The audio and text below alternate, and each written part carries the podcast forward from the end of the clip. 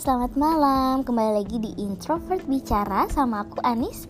Kali ini aku mau ngebahas tentang buku yang sudah aku baca yaitu judulnya The Subtle Art of Not Giving a Fuck atau bahasa Indonesianya adalah sebuah seni untuk bersikap bodoh amat ini ditulis oleh Mark Manson. Konon katanya buku ini itu buku terlaris versi New York Times dan Globe and. Seperti itu, buku ini ada berapa halaman ya? Ini sekitar 247 halaman. Lalu ada 9 bab. Ya bab pertama itu ada jangan berusaha bab kedua kebahagiaan itu masalah. Bab ketiga anda tidak istimewa. Bab empat nilai penderitaan. Wow Bab kelima Anda selalu memilih Bab keenam Anda keliru tentang semua hal Bab ketujuh kegagalan Kegagalan Ugal-ugalan kali ah Bab tujuh adalah kegagalan adalah jalan untuk maju Bab delapan pentingnya berkata tidak bab 9 dan kemudian Anda mati. Kita masuk ke bab yang pertama. Ada sebuah tulisan yang membuat aku tuh uh, tertarik untuk membacanya karena seperti ini ya. Um, tunggu sebentar, aku menuju ke halaman yang aku suka itu kata-katanya.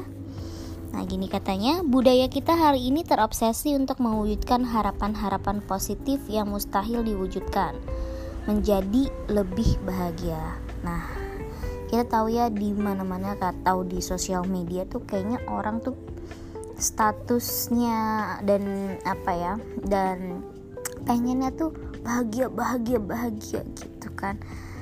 Kayak menunjukkan sebuah kebahagiaannya tapi sebenarnya apa yang kita lihat di sosial media itu belum tentu adalah gambaran tentang diri dia gitu. Bisa jadi aja foto itu menggambarkan kebahagiaan dia tapi nyatanya dia saat itu tidak bahagia. Kita tidak pernah tahu. Menjadi bahagia atau menjadi lebih sehat menjadi paling baik baik lebih baik daripada lainnya menjadi lebih pintar, lebih cepat, lebih kaya, lebih seksi, lebih populer, lebih produktif, lebih diinginkan, lebih dikagumi, menjadi sempurna dan memukau. Setiap hari Anda meninggalkan segepok emas 24 karat usai sarapan dan mencium istri Anda yang Wow, dan telah siap melakukan selfie lalu berpamitan pada anak-anak yang manis dan gendut lalu menerbangkan eh menerbangkan helikopter pribadi ke tempat kerja yang menyenangkan di mana Anda bisa menghabiskan hari-hari dengan mengerjakan hal-hal yang sangat bermakna. Misalnya menyelamatkan planet ini. Oke. Okay. Jadi itu adalah gambaran yang terjadi saat ini di mana manusia-manusia atau orang-orang ya senang me, apa memperlihatkan kebahagiaannya di sosial media untuk menunjukkan mereka lebih bahagia, mereka lebih um, akses, mereka lebih kaya, mereka lebih cantik, mereka lebih pintar dan lain-lainnya.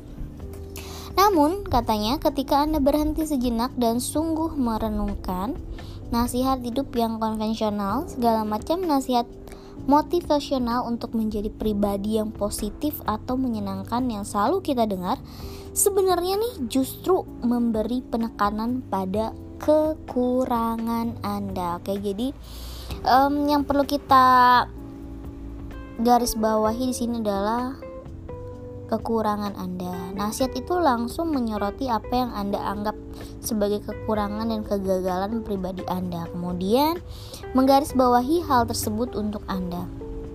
Anda mempelajari cara terbaik untuk mendapatkan uang karena Anda sudah merasa tidak punya cukup uang, ya kan? Anda berdiri di depan cermin dan terus mengafirmasi kalau Anda cantik karena Anda sudah merasa tidak cantik. Anda mengikuti tips berkencan dan menjalin hubungan karena Anda merasa bahwa memang Anda tidak layak dicintai. Anda melakukan latihan visualisasi yang konyol untuk menjadi lebih sukses karena Anda memang merasa tidak cukup sukses. Jadi uh, sejatinya kalau misalkan kita merasa meris, merasa apa tuh namanya uh, lebih itu adalah sebenarnya uh, di alam bawah sadar anda tuh anda merasa kok anda ya aku jadi ngomongnya kamu merasa kamu tuh sebenarnya kurang kamu kurang cantik kamu kurang banyak uang kamu kurang ini kurang itu banyak deh. Yang uh, kita anggap kurang makanya kita pengen selalu yang lebih gitu. Makanya hmm, biasa aja tidak usah terlalu yang merasa pengen lebih karena sesuatu yang kita pengen lebih itu ternyata um, menandakan bahwa kita ternyata kurang di situ gitu ya menurut buku ini Ironisnya pengarahan pemikiran pada hal-hal positif ini tentang apa yang lebih baik, apa yang lebih unggul hanya akan mengingatkan diri kita lagi dan lagi tentang kegagalan kita, kekurangan kita, apa yang harusnya kita lakukan namun gagal kita wujudkan. Bagaimanapun jika seorang sungguh bahagia, dia tidak akan merasa perlu untuk berdiri di depan cermin dan mengulang-ulang ucapan kalau dia bahagia. Dia bahagia ya bahagia aja gitu, nggak usah perlu aku bahagia statusnya. Nggak usah nggak usah gitu juga. Karena bahagia ya kamu rasain sendiri kamu kamu renungkan sendiri. Bukan untuk uh, meyakinkan diri kamu bahwa kamu bahagia. Karena sudah uh, kalau misalkan kamu sudah merasa uh, perlu dan membuat uh, bahagia itu bilang-bilang. Artinya kamu di situ juga sebenarnya sih ya mungkin ya di sebagian orang mungkin kamu merasa ternyata tuh kamu tuh belum bahagia gitu. Itu di bab satu yang aku suka tentang buku seni bersikap bodoh amat ini.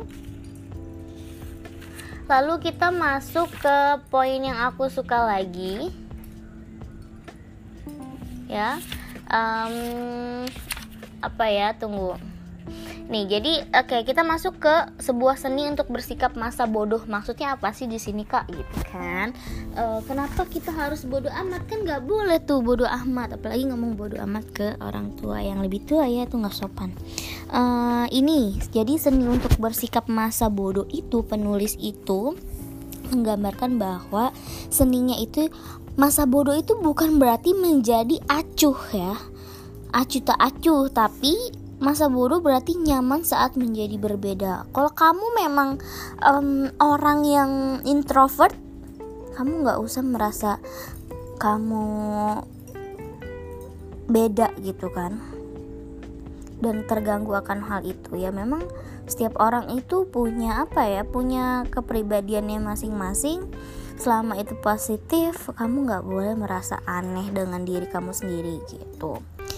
Uh, mari kita jernihkan katanya. Sama sekali tidak ada yang dapat dikagumi atau diamini dalam sikap acu tak acu orang-orang yang acu tak acu adalah mereka yang lemah dan ciut hatinya. Mereka tergolong coach potatoes artinya malas bergerak atau mager ya Kayak gitu faktanya orang-orang yang acuh ini sering berusaha untuk bersikap masa bodoh karena dalam kenyataannya mereka terlalu rewel terhadap segala sesuatu. Mereka terganggu dengan apa yang dipikir dipikirkan semua orang tentang rambut mereka sehingga mereka tidak pernah bersusah payah mencuci atau menyisirnya. Mereka risau dengan apa yang dipikirkan setiap orang tentang ide mereka. Jadi mereka bersembunyi di balik sarkasme dan kritik pedas. Mereka takut tidak membiarkan siapa pun mendekati mereka, sehingga mereka menampilkan sosok mereka sebagai manusia yang spesial, unik dengan segudang masalah yang tidak mungkin dimengerti orang lain. Makanya uh, kalau misalkan ada nih ya uh, seseorang yang mungkin teman kamu atau siapa pun itu yang orangnya sudah dingin duluan, sudah menunjukkan sikap uh, acu tak acu gitu, sikap masa bodoh itu artinya mereka itu sebenarnya menutupi pengen menutupi menutup diri saja gitu ya. Jadi ya mereka menganggap bahwa mereka tuh punya masalah yang nggak bakal orang lain ngerti. Jadi mendingan diem aja deh gitu. Padahal itu sebenarnya salah gitu ya. Masa bodoh itu bukan berarti kita tuh jadi sosok yang uh, acu tidak acu tapi bukan kayak gitu. Tapi kita tahu kita nyaman saat kita tuh memang beda gitu Katanya karena inilah fakta tentang hidup, kehidupan. Oke. Okay? Tidak pernah ada yang namanya masa bodoh. Anda pasti memperdulikan sesuatu. Sisi biologis kita selalu peduli akan sesuatu. Dan karena itu kita akan selalu memperdulikan sesuatu. Pertanyaannya kemudian, apa yang kita pedulikan? Apa yang kita pilih dan bagaimana caranya agar kita bersikap masa bodoh terhadap hal yang memang tidak ada maknanya gitu kan?